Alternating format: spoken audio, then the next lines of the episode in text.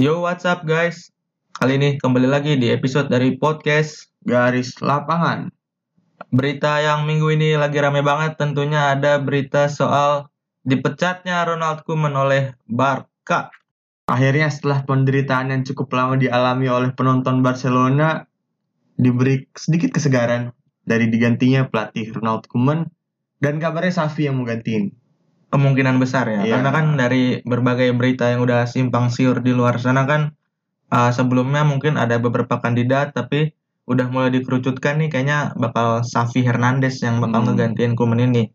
Jadi Koeman sendiri itu dipecat habis kekalahan lawan Rayo Vallecano kemarin. ya, dengan Iya. 1-0. Dengan Walaupun tuh- kekalahan beruntun juga kan setelah kemarin kalah di kalah juga. Kan. Eh kalau 1-0 nih padahal Barca punya banyak banget peluang Mas. Iya, Salah satunya penalti dari Memphis yang gagal kan. gagal ya. Salah satunya gol Vallecano, Vallecano juga dicetak sama Falcao. Iya, Falcao. Ya, pemain yang mungkin udah kita tahu lah, Iya. terkenal dulu kan. Ini Rayo Vallecano ada Falcao jadi vibes-nya kayak River River Plate banget jadi Iya, iya. Amerika Nama- Selatan. Iya. Bajunya juga mirip. kan juga mirip-mirip Iya. putih, ada strip merahnya sedikit. Dan Vallecano juga sementara ini di table di atas Barca. Heeh. Di peringkat 5 atau 6 kalau nggak salah tuh. Ya cukup tinggi. Rayo Hmm. Vallecano itu bukan untuk sementara ini tuh Cukup bagus lah on track-nya. bisa dibilang kayak Brighton di Liga Inggris lah. Hmm, benar-benar. Iya. Brighton juga di top 4 sekarang kalau nggak salah. Nomor 5 nomor 5. Oh iya nomor 5. Iya. Tim dengan XG terbanyak XG kan terbanyak Brighton. tapi ya cukup banyak peluang yang dibuang-buang oleh Brighton itu sebenarnya. Jadi sementara ini kan eh, sebelum Xavi Hernandez resmi jadi pelatih, sementara Barcelona tuh dipegang sama Sergio Banjuan. Yang itu adalah pelatih dari tim Barca B. tim B-nya Barca. Ya. Nah, Track record dia di Barca B juga sebenarnya nggak terlalu bagus, tapi kan ya buat sementara doang, buat ya, ngisi kekosongan sementara. gitu kan. Iya, mungkin ya lu bisa lumayan bagus lah ya. Semoga aja Barca bisa dikit demi dikit balik ke performa yang lebih bagus lah. Heeh. Seenggaknya kan nggak kalah terus, seenggaknya kalau kalah juga jangan lawan tim kecil atau kebantai lawan tim gede lah. Heeh. Ya kalah terhormat lah seenggaknya. Ya berarti kan akhir pekan nanti mereka bakal ngelawan Alaves kan, Mm-mm. yang berarti dipimpin sama Sergio Banjuan. Heeh. Iya. Ya, Jadi, Kalau kurang lebih ada dua pertandingan kemungkinan besar dipimpin Hmm. sama dia lawan Alaves sama lawan Dinamo Kiev. karena kan Safi dilepas juga harus menunggu persetujuan dari timnya yang sekarang ya Alsat dulu kan. Iya. Alsat juga mau ngelepas Safit secara cuma-cuma plus beberapa syarat. Yang mungkin syaratnya ini buat brand exposure doang ya. Mm-mm. Main Buat naikin namanya ya, Alsat juga kan, mabar sama dilatih Barca. sekelas Safi kan. Heeh. jadi syaratnya itu ada mabar sama Barca sama Safi boleh keluar minggu depan baru boleh. Hmm. Soalnya Alsat tuh bakal lawan bisa dibilang lawan terberatnya lah El Clasico Qatar, Hmm. ya kan? Karena kan kabarnya juga secara di klausul kontraknya Safi sebagai pelatih Alsat kan kabarnya ada juga eh, ketentuan khusus kalau Barca tertarik dengan Safi bakal dilepas kan. Mm-mm. Kabarnya begitu. Secara cuma-cuma gratis. Ya, nggak ada kontrak Nggak ada buyout buyout segala ya. macam. Jadi ya cukup unik lah kontraknya ya. Mm-mm. kontrak legenda Barca lah bisa dibilang Mm-mm. kan. Jadi mungkin kalau misalnya Alsa terjadi kontrak bener-bener kayak gini sama Barca, mungkin jatuhnya ntar hubungannya bakal sama kayak Barca sama Vissel Kobe. Oh iya benar-benar. Jadi dekat Ya, banget jadi- kan. Apalagi kan mereka sama-sama disponsori oleh Rakuten kan. Iya. Sponsornya mereka saat ini. Hmm. Karena kan Vissel Kobe juga ada Iniesta kan di Iya sana. dan Iniesta juga. Dan mungkin nanti pemain-pemain yang udah mendekati masa pensiun dari Barca mungkin akan dioper ke sana mungkin. Iya mungkin. Kan Jepang juga lumayan bagus lah ya Mm-mm. buat masa tua. Nah, salah satu pertanyaan besar setelah Ronald Koeman keluar ini kan selama ini Koeman eh, banyak banget ngambilin pemain yang eh, warga negara Belanda, yang pemain Belanda. Hmm. Misal sekarang kan ada Memphis, ada juga Luke De Jong, Dua deong, dua dua, deong. dua De Jong, ada juga Frankie De Jong di sana. Heeh. Ya cukup banyak lah. Eh, gimana kira-kira kalau misal pemain-pemain yang secara kualitas untuk main di Barca mungkin nanggung lah ibaratnya. Kayak misalnya Luke De Jong yang ya bisa dibilang panic Nggak nanggung buying. sih, nggak nanggung. Panic juga. buying sih di Rendah. bursa transfer musim ini. Ya.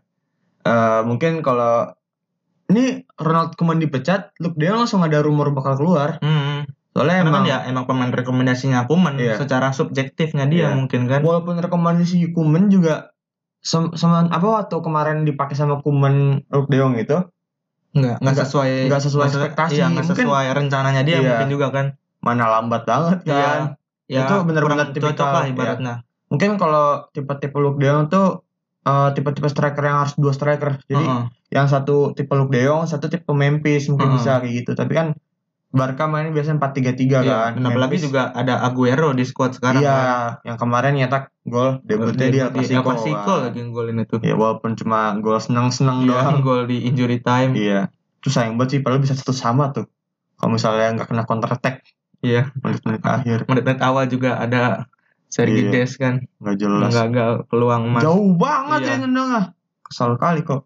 Terus abis itu mungkin ada beberapa pemain kayak Ricky Pick yang bakal Hmm. ngerasain main lagi di lapangan akhirnya. Karena kan ya secara hubungan mungkin ya antara pelatih dan pemain itu ya ada Ya ada clash, ada clash lah Iya. ibaratnya kan. kayak Pjanic juga kan. Hmm, Pjanic juga Dia walaupun sekarang lagi dipinjemin ke Besiktas dengan Hmm. kabar Kuman dipecat langsung, langsung bersuara. bersuara dia di Ya. sosial medianya dia kan. yang bisa dibilang cukup ya langsung bener-bener Lepas lagi lah. lepas lah Ah, ya.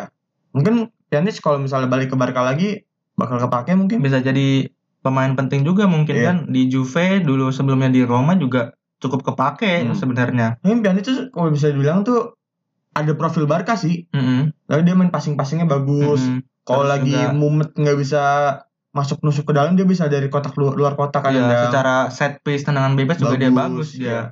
Dia ibarat kata Coutinho tanpa skill sambal lah. Hmm, benar-benar. Ya, skill setnya hampir sama. Kalau dilihat dari skill setnya Pjanic sih, kalau misalnya Barca emang dipegang sama Xavi nantinya, mungkin emang bakal kepake. Mm. Karena kan Xavi emang orang Spanyol juga ya. Dan kalau dilihat dari pelatih Spanyol dalam beberapa tahun terakhir emang skema yang sering dipakai juga 4-3-3. Apalagi kan Barca juga identik dengan formasi itu ya.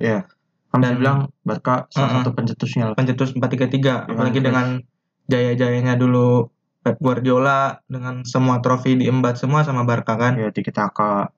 Ya mungkin pemain-pemain yang dulu agak ngendep di bangku cadangan di bawah Kuman mungkin bakal rutin jadi starting lineup lagi kan kalau ngeliat potensinya apalagi juga secara nama besar kayak misal ada Coutinho terus ada juga tadi Pjanic kan Bener banget sih. Pasti ada beberapa pemain yang rubah inilah, rubah role di Iya squad. Rubaro mau nggak mau kan Iya. ngelihat pelatih baru nanti gimana sosoknya apakah bakal Xavi atau pelatih lain juga bisa jadi kan Pasti tapi beda dari Kuman. iya dan rumah terkencangnya emang saat ini ya Xavi buat ngambil posisi itu Ya, Xavi kan juga punya profil Barca, legenda Mm-mm. Barca segala macam kan. Dia punya segala hal yang buat dia masuk ke Barca bisa.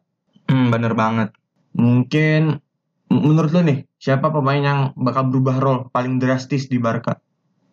kemungkinan besar sih Coutinho ya karena kan sayang banget kalau misalnya pemain sepotensial dia apalagi ngeliat harga transfernya dia dari Liverpool dulu kayaknya sayang banget kalau dia cuma di Cadang diperankan sebagai pemain cadangan. Ya mau Hmm. nggak mau dia harus dipasang sebagai starter sih. Misal di gelandang tiga gelandang yang dipakai misal di situ pakai Busquets atau mungkin Busquets digantiin karena emang usia yang udah terlalu tua dan secara speed secara kecepatan emang udah kalah dibanding pemain-pemain lainnya mungkin eh, Frankie De Jong bisa dipakai sebagai DM Bisa. terus juga Pedri pastinya sebagai central midfielder yang ngebagi bola dan Coutinho bisa jadi sebagai gelandang serang kan yang nyambungin lini tengah Hmm, sama nyambungin lini depan. sama lini depan. Ya, mungkin bisa kayak gitu. Mm-mm. Atau enggak mungkin bisa juga Barca main 4-3-1-2 mungkin. ya. Iya bisa juga bisa Jadi juga. di tengah ada Busquets, De Jong sama Pedri kayak biasa. Iya kayak biasa. Atau Dan bisa juga ya pianis tadi yang Iya. sebagai defensive midfielder kan Hmm. bisa juga dia. Ya, gelandang serang ada Coutinho, di depan ada Memphis sama Ansu Fati Bisa mungkin. Ansu Fati ya benar. Iya, tapi formasinya itu kan bisa dibilang nggak terlalu kental sama Barca Iya. lah. Dan juga formasi kan hanya, hanya di atas kertas saja, Iya. di atas lapangan mungkin bisa Pas beda di lagi. lapangan mungkin Memphis bakal di tengah atau Ansu Fati tengah, Iya. Memphis sama Coutinho main di yang, samping. yang melebar benar. Iya. Atau nggak bisa Pedri juga ke samping atau De Hmm. Jong kan? Karena kan Pedri juga secara usia masih muda, masih segar. Iya. Secara kecepatan juga pasti kan beda juga dia. Tapi ini Pedri yang efeknya keras banget nih abis musim Hmm. lalu main Musim 70 lalu main first terus-terusan game. dari Euro, dari Olimpiade dia Iya. main terus nonstop. Di musim normal juga main terus. Hmm. Sekarang mulai kerasa efeknya nih. Mm-mm. Cedera-cedera yang bisa dibilang nggak terlalu fatal tapi ya Iya cukup cukup nggak main. Iya nggak main. Ya, nggak Maksudnya main. kan salah satu faktor yang menyebabkan Kuman dipecat ini kan ya karena badai cedera yang menimpa Barca kan. Iya. Sekarang ini yang tercatat ada Araujo masih cedera. Iya. Braithwaite juga kabarnya cedera panjang, Panjang dia ya. sampai awal tahun depan. Ya, Dembele juga yang ya emang rutinitasnya selama ini cedera Iya. walaupun secara potensial emang cukup bagus pemain ini Katanya sebetulnya. Dembele beberapa hari lagi bakal balik sih. Mm-mm. Iya. Terus juga Ansu Fati yang sekarang balik cedera lagi. Iya. Ini cedera ini tuh Ansu Fati supaya eh, ini apa? Jaga-jaga supaya dia gak bakal cedera panjang lagi. Iya, itu dia karena eh, historinya cedera tahun lalu yang bikin dia absen hampir satu musim. Iya. Berarti nggak mau ngambil resiko kan? Mm-mm. Terus juga ada Frankie De Jong yang cedera juga sekarang. Ada juga Sergio Roberto yang baru aja cedera Cedera kemarin. juga kemarin kan. Jadi ya Barca udah lagi turun, cedera banyak. Nah, apesnya itu dia yang Mm-mm. salah satu faktor yang bikin tim bisa berjaya kan mungkin karena kondisi fitnya skuadnya itu sendiri kan. Kayak Hmm. misalnya MU di musim lalu kan hampir semua pemain mereka kan fit semua hampir nggak ada yang cedera. Kayak misal Bruno hampir semua pertandingan bisa main. Terus juga Luke Shaw bagus banget musim kemarin. Dan musim ini wah mulai kelihatan goyah MU di bawah Ole kan. Mm, sampai ada oleh out oleh oleh out oleh out kan? apalagi setelah kemarin eh, beberapa pertandingan terakhir malah kalah kalah imbang sempat menang sekali sekali dan terakhir Kebantai. kebantai lawan rival sendiri Liverpool, Northwest Derby main di Old Trafford di kandang sendiri Iya. ini tentunya pasti sebuah dosa besar dari Ole ya tentunya Mm. Jadi apalagi kan beberapa pertandingan ke depan nih bakal susah banget buat oleh kan. Hmm. apalagi ada lawan Manchester City dalam dua pekan ke depan ya terus Atalanta, dan besok juga lawan dia Tottenham lawan Spurs. yang kemu- kemungkinan itu bakal jadi Penentu. pertandingan hidup matinya Ole kan. Iya. Karena di lingkungan sekitar MU sendiri, misal dari Sir Alex Ferguson sendiri kan dia uh, ngedukung banget Ole buat bertahan jadi uh, manajernya MU. Iya. Uh, karena kan dalam misal di musim pertamanya dia waktu jadi caretakernya Jose Mourinho dia cukup bagus trennya waktu itu bisa ngalahin PSG terus bisa menang berturut-turut beber- beberapa pertandingan terus mulai dikontrak secara permanen kan Hmm. terus akhirnya musim selanjutnya naik peringkat dua di Premier League kan musim kemarin dan sekarang mungkin bisa jadi musim penentuannya Ole Yang bisa bisa dibilang tuh skuadnya oleh musim ini tuh benar-benar mumpuni gak sih mungkin secara squad mungkin salah satu yang terbaik di Di- dunia di dunia? secara squad ya. Tapi ya kita tahu sendiri Ole Gunnar Solskjaer tentunya bukan belum merupakan pelatih yang udah berpengalaman kan. Belum selevel sama kayak Pep. Ya misal ada top Zidane. ada top 3-nya sekarang misal di Premier League ada Chelsea, Manchester City sama Liverpool. Hmm. Itu walaupun secara squadnya mungkin nggak semua MU, tapi secara pelatih mereka dipegang oleh pelatih se- sekelas Guardiola, Klopp sama Tuchel Heeh. yang secara gelar udah nggak main-main mereka semua Iya. kan.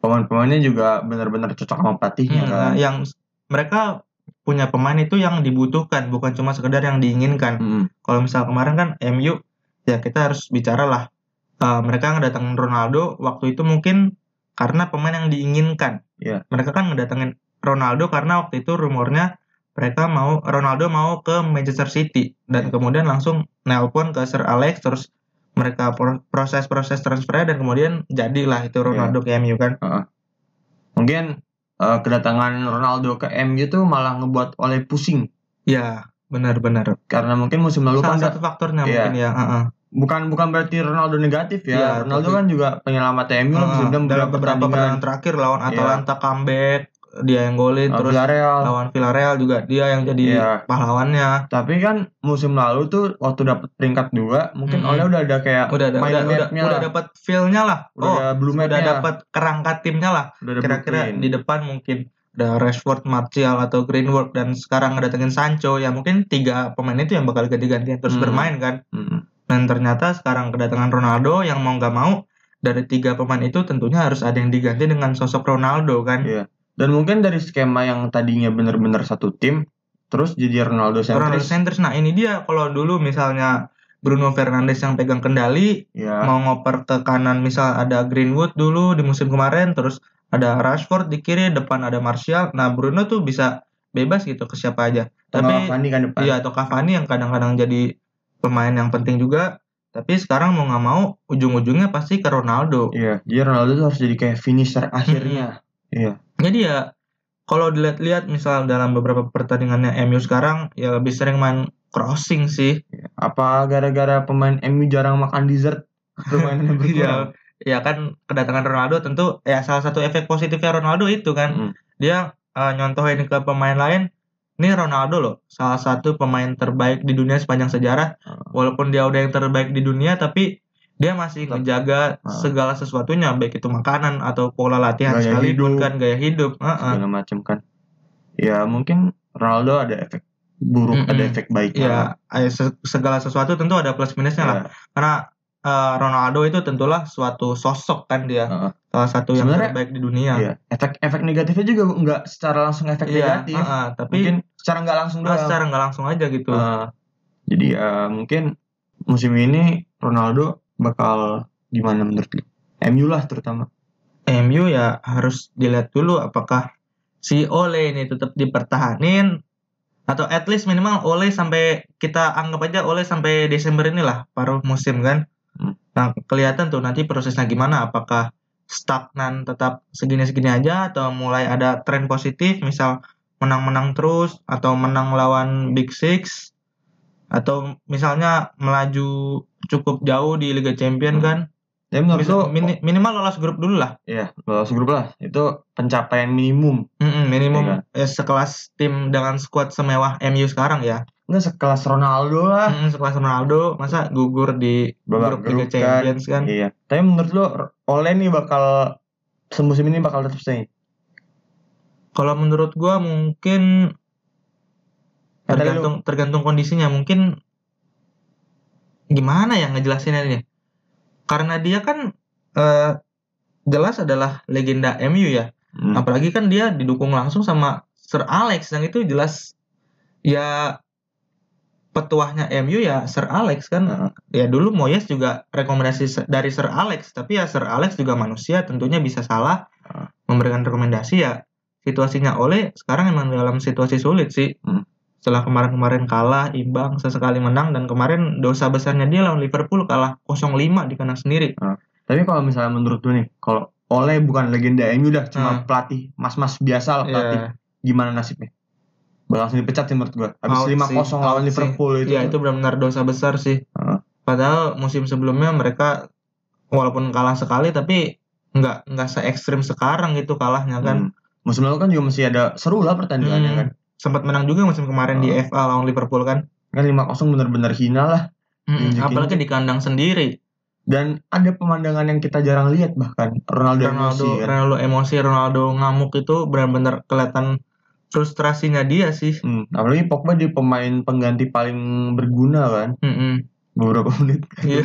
Sampai akhirnya kartu merah. Itu dia, aduh, ampun dah. itu pertandingan lawan Liverpool tuh benar-benar kacau banget lah Hmm. buat MU tuh. Bener-bener ngerubah situasinya oleh lah. Mungkin dulu misal awal musim banyak fans MU yang teriak, wah MU nih kelihatan progresnya nih. Musim dua musim yang lalu posisi tiga, musim kemarin posisi dua. Wah mungkin musim ini saatnya juara nih. Tapi Apalagi sekarang Ronaldo datang kan. Ronaldo datang dengan Sancho datang. dengan segala transfer pemain masuk. Heeh. Ada Sancho, ada Varane yang tentunya mengisi Iya. kekosongan di lini pertahanan. Mulai eh, rame lah berita MU salah satu kandidat Treble, juara treble. kompetisi ini itu Liga Champions lah, Liga Premier lah. Dan ya sekarang benar-benar situasinya udah berubah sih MU dan Apalagi tentunya kan- buat Ole. Hmm. Apalagi Sancho di agen OO7 kan. 0 gol, 0 assist, Nol 7 assist. game. Sekarang udah lebih, udah Apa? 11 game. Oh iya udah udah lebih sudah malah. lebih sekarang. OO11 sekarang. ya mungkin Sancho juga masih nyocokin permainan Iya. Jerman sama Inggris, Inggris kali ya. ya. Sancho juga kalau nggak salah musim kemarin juga agak telat panas dia mulai rutin golin rutin asisnya. Kan Sancho tuh panas bangetnya dua musim lalu kan. Hmm. Sekarang musim lalu juga dia udah mulai pusing gara-gara rumor MU kan udah Iya, kayak MU. "Oh, gue pengen balik kampung, udah, balik kampung, balik udah, udah kampung." dibit lagi dari musim Iya. kemarin kan tapi nggak dilepas-lepas. Hmm. Dan sekarang juga bisa dibilang juga ketutupan Greenwood kan. Oh, malah Greenwood lebih Greenwood, bagus. Greenwood yang lagi bagus-bagusnya banget akhir-akhir ini. Hmm. Main di awal musim dia sempat jadi dipasang jadi striker utama loh sebelum Ronaldo datang waktu itu. Hmm. Beberapa pertandingan awal. Iya, pertandingan awal tuh sempat dia jadi center forward yang di kanan waktu itu Sancho, sama yang di kiri waktu itu Martial kadang, kadang juga make si Daniel James waktu Daniel James Belum belum, keluar. Heeh. Ya belum balik ke Leeds lagi kan. Jadi ya mungkin pertandingan lawan Tottenham eh, hari Sabtu nanti itu mungkin ya bakal menjadi penentuannya Ole. Kalau misal kalah ya out, Out. mungkin. Tapi ya kita tahu sendiri Ole kalau dalam tekanan ya kayak Bagus. begitu, bagusnya Iya. kayak begitu. Kan nggak cuma buat Ole, buat pelatih Tottenham juga kan, Mm-mm. buat Nuno. Pertandingan terakhir lawan Tottenham main di Tottenham Hotspur Stadium, MU menang 3-1 waktu itu. Ah. Gol dari Fred eh, sama Greenwood sama Cavani kalau nggak salah satu lagi. Terus bakal nggolin lagi nggak nih? Ke gawang sendiri. Iya. Tapi bagus sebenarnya Fred tuh nggak nggak seburuk yang dibicarakan media Iya, sebenarnya iya. akhir-akhir ini. Waktu ya kalau misalnya dia jelek kenapa di starter mulu Iya. kan kenapa Hmm. main terus sebenarnya kan ya ya apesnya aja kadang-kadang kalau masuk highlight mainnya kayak orang mm-mm.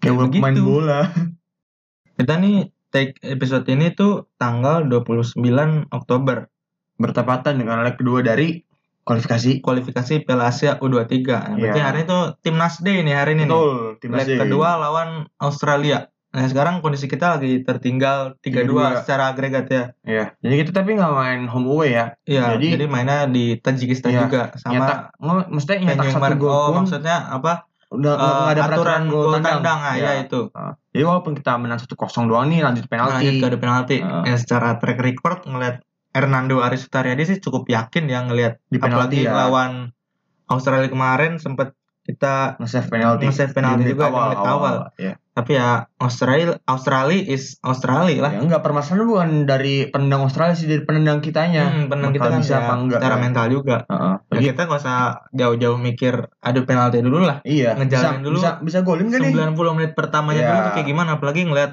pemain-pemainnya Australia sekelas Jacob Italiano juga Iya. ada Chris Wood Jacob Italiano tuh pemain Borussia Mönchengladbach loh walaupun juniornya. tim tim B-nya Ya, ibaratnya tapi tetap Borussia Ya, Mönchengladbach kayak modelan bagus Kavia bisa masuk ke Young Utrecht udah bagus banget kan. Heeh. apalagi sekarang Witan juga di Lekia Gedang ya kadang-kadang masih main di Lekia Gedang 2 Dua, juga Iya. Tapi Witan emang udah benar-benar berubah sih gaya mainnya ya. Mm-mm. apalagi kemarin dia sempat ngegolin gila itu keren banget golnya sih dia Mulai bagus. hasil kerja keras hasil didikan Eropa emang nggak bisa bohong sih Hmm. Tapi kita juga jangan terlalu overreact lah. iya Nah, buktinya langsung dibalas dengan gol yang dengan bagus gol yang juga. yang sama Iya. sama skemanya sama tendangannya Ah. ya beda kakinya doang itu kan Ah. kalau Witan pakai kaki Kiri. kiri, tapi dibalasnya langsung kaki kanan tuh Iya. sama si Jacob Jacob Italiano. Italiano Heeh. Ya mungkin momok dari Indonesia sendiri ya bakal ya Jacob Italiano di game Hmm. kedua dan nomor 7 juga bagus Iya. tuh. Ya. Jadi mungkin salah satu caranya kalau bisa bilang permainan kasar juga di leg pertama sebenarnya bisa kita ngelakuin kan. ya tapi nggak Ya tapi itu nggak harus nggak harus nggak- begitu juga sportsmanship sebenarnya. kan. Iya. Dan mungkin orang-orang Indonesia berpikir kayak gitu kan. Indonesia 10, Inter banget 10. Heeh. Iya, tapi nggak boleh gitu. Kita harus main secara sepak bola lah. Iya Dan mungkin dari formasi waktu lawan Taipei kemarin di timnas senior kan Sintayong pakai 4-3-3 ya Heeh. karena secara kualitas Taipei emang Di bawah ya Indonesia bisa lah. dikatakan di bawah Indonesia dan sekarang di U23 lawan Australia yang secara kualitas jauh di atas kita. ya dan Sintayong di tim junior balik lagi dengan formasi 4-4-2 pertandingan kemarin kan Hmm. Tapi 4-4-2 lebih ofensif sih. Hmm. karena kan dulu waktu dia megang timnas U19 waktu eh, TC di Kroasia dulu pakai 4-4-2 juga waktu itu Tapi gelandang itu dulu gelandang gelandang murni. Hmm, waktu itu pakai si David Maulana sama Brilian Iya. Yang bisa dibilang dua-duanya bisa bertahan, Hmm. bisa nyerang. Nah, sekarang dua-duanya juga main di Kroasia juga ya. Tapi kemarin tuh kita lihat eh Indonesia ini serang terus nih. Hmm. Tapi emang informasi 4-4-2. Tapi dengan catatan tiga gelandang ofensif dan cuma satu, gelandang holding iya, yang main Irianto. kemarin Irianto yang Hmm. sebagai starter. Tapi walaupun main tiga gelandang ofensif dan dua striker, Heeh. ujung-ujungnya tiga gelandang Eh, tiga ofensif, gelandang itu tiga gelandang bertahan. juga iya. Iya, bahkan bagus Kavi juga sempat mundur jauh banget Mm-mm. kan. Bener-bener ngisain Hanis Sagara doang di Dan depan. bagus Kavi ya sorry to say kemarin nggak terlalu kelihatan nggak nggak kelihatan banget. Iya. Malah mungkin highlightnya highlight bertahan. Mm-mm. Ofensif juga dia kayak terlalu banyak megang bola nggak sih? Iya. Kayak kelamaan Heeh. atau Ya, Mungkin ya- emang harus terus belajar, Iya. terus berproses kan sebagai dan belum nyatu muda. juga kali. Mm-mm, karena Kan kan dia, dia- baru datang juga kan.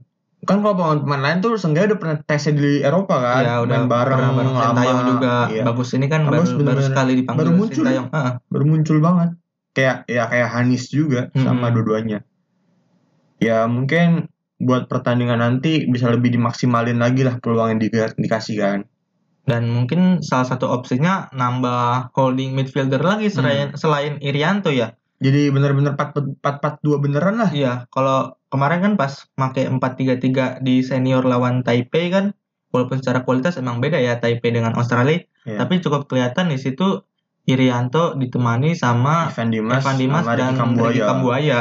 Nah, sedangkan kemarin Irianto di- ditemani Sendiri. sama Gunansar iya, Mandoen Gunansar. secara eh, apa visi bermainnya mungkin Menyerang. memang dia pemain ofensif. Iya. Dan mungkin kalau dibilang fisik jauh banget daripada Ricky Mm-mm. Kambuaya Ricky kan Kambuaya yang jelas lebih tinggi. dan lebih kuat. Heeh. Nah, mungkin ya formasinya juga ya. Iya bisa jadi mungkin tapi kan lawan tim kuat Sintayong mungkin lebih prefer pakai formasi 4-4-2 karena Hmm. Dia harus menetralkan lini tengahnya dulu biar kuat itu gimana Hmm. sebelum menembus ke pertahanan kita kan. Hmm. Kalau misalnya 4-3-3 kan karena lawan Taipei mungkin Sintayong berani main terbuka kan. Dan lebih nyerang juga. Mm-mm. Sampai Evan Dimas juga maju, Ricky Kambuaya maju. Mm-mm. Kemarin tuh kita sering ngeliat eh, Irianto sering off position. Ya, ya beda banget lah waktu lawan Taipei ya Hmm. karena emang Taipei dan Australia jelas berbeda banget. Iya. Mungkin kalau misalnya waktu lawan Taipei tuh Irianto secara nggak sadar kita sering lihat dia off position tapi sering ditutup sama kayak Kambuaya, Iya, Kambuaya. Evan Dimas. Heeh. Mungkin karena Adam Alis juga bisa Bisa kan. Iya, juga bisa Iya. mengcover Hmm. Kalau kemarin tuh ya Irianto off position nggak ada yang nutup. Mm-mm. Bener-bener Gunansar kadang out of, out of position juga tapi di Iya. depan. Heeh, jadi kayak lebih ofensif banget lah kemarin. Cuma Hmm. kan waktu pertama kali kita dapat informasi lain apa itu lumayan kaget. Mm, karena bener-bener uh, menunjukkan kalau kita pengen menyerang gitu kan. Iya, kayak matain ekspektasi kita lah. Mm-mm. Mungkin kan ekspektasi awal kita mungkin ya ini Lawan Indonesia Australia bakal lebih berat bertahan lah. Heeh. bertahan atau ya formasinya pemain-pemain komposisinya juga bertahan lah. Totalnya malah ofensif banget dan akhirnya ya nggak terlalu berbuah maksimal kan. Mm-mm. Dan mungkin bagus Kavi bisa jadi jadi bahan evaluasi juga ya. Iya. Dan mungkin di pertandingan ini bakal jadi cadangan mungkin kan. Eh, karena kan eh, satu tipe striker yang suka ngejar bola mungkin udah ada di Hani Sagara Hmm. mungkin. Nah, Satu lagi bisa jadi Taufik Hidayat dipasang lagi karena kan Mungkin. kemarin juga Nyetak mencetak gol, kan. dan dia secara postur memang lebih tinggi dan lebih Waktu dia pertama kali masuk, bagus juga. dia juga postur badannya hampir mirip sama pemain Australia. Mm. Maksudnya bisa nandingin. Walaupun golnya ya bisa dibilang gol luck Bola lah, nemu lah, bola bola nemu, iya. shooting tapi, tetap- ada dan gol. Bola nemu tuh dibutuhin insting Iya, loh. dan kontrol juga itu pasti Iya, nggak mudah lah. iya. Mm-mm. Tapi kan waktu dia dapat bola langsung di press sama kipernya Iya. kan. Dia langsung nora, na- naruh bola Naruh ke bola ke ujung arah kanan kan. perlawanan kiper. Iya dan ya 3-2 akhirnya kan. Dan kipernya katanya mirip sama Ata kan. Iya. Mirip-mirip. Asli mirip banget Ata itu. mulet, Ata Ata. mulet. Iya, cok tinggal panjangin rambut, Iya. kasih headband udah mirip tuh sama bosnya AHPS Pati. Iya, betul. Jangan itu emang dibayar sama sama Atta ya. Supaya kegolan dua gol. Ya udah, oke dah. Gitu aja pembahasan episode kali ini. Dengerin terus podcast Garis Lapangan yang tayang setiap hari Selasa dan Jumat. Dan di hari Selasa tentunya ada segmen Hmm. baru, yaitu ada Team Breakdown. Yang di situ kita bakal ngebahas secara khusus Satu tim. satu tim, misal ada preview-preview untuk rencananya musim ini, target musim ini, dan secara potensi gimana dia menangin gelar apa aja di musim ini kan. Ya, dan pemain-pemainnya juga Mm-mm. pastinya kan. Ya, makasih. Follow juga Instagram dan Twitter kita di @garislapanganid. Yuk, di follow, di follow di Hmm. Instagram, Twitter. Oke, itu aja. Goodbye.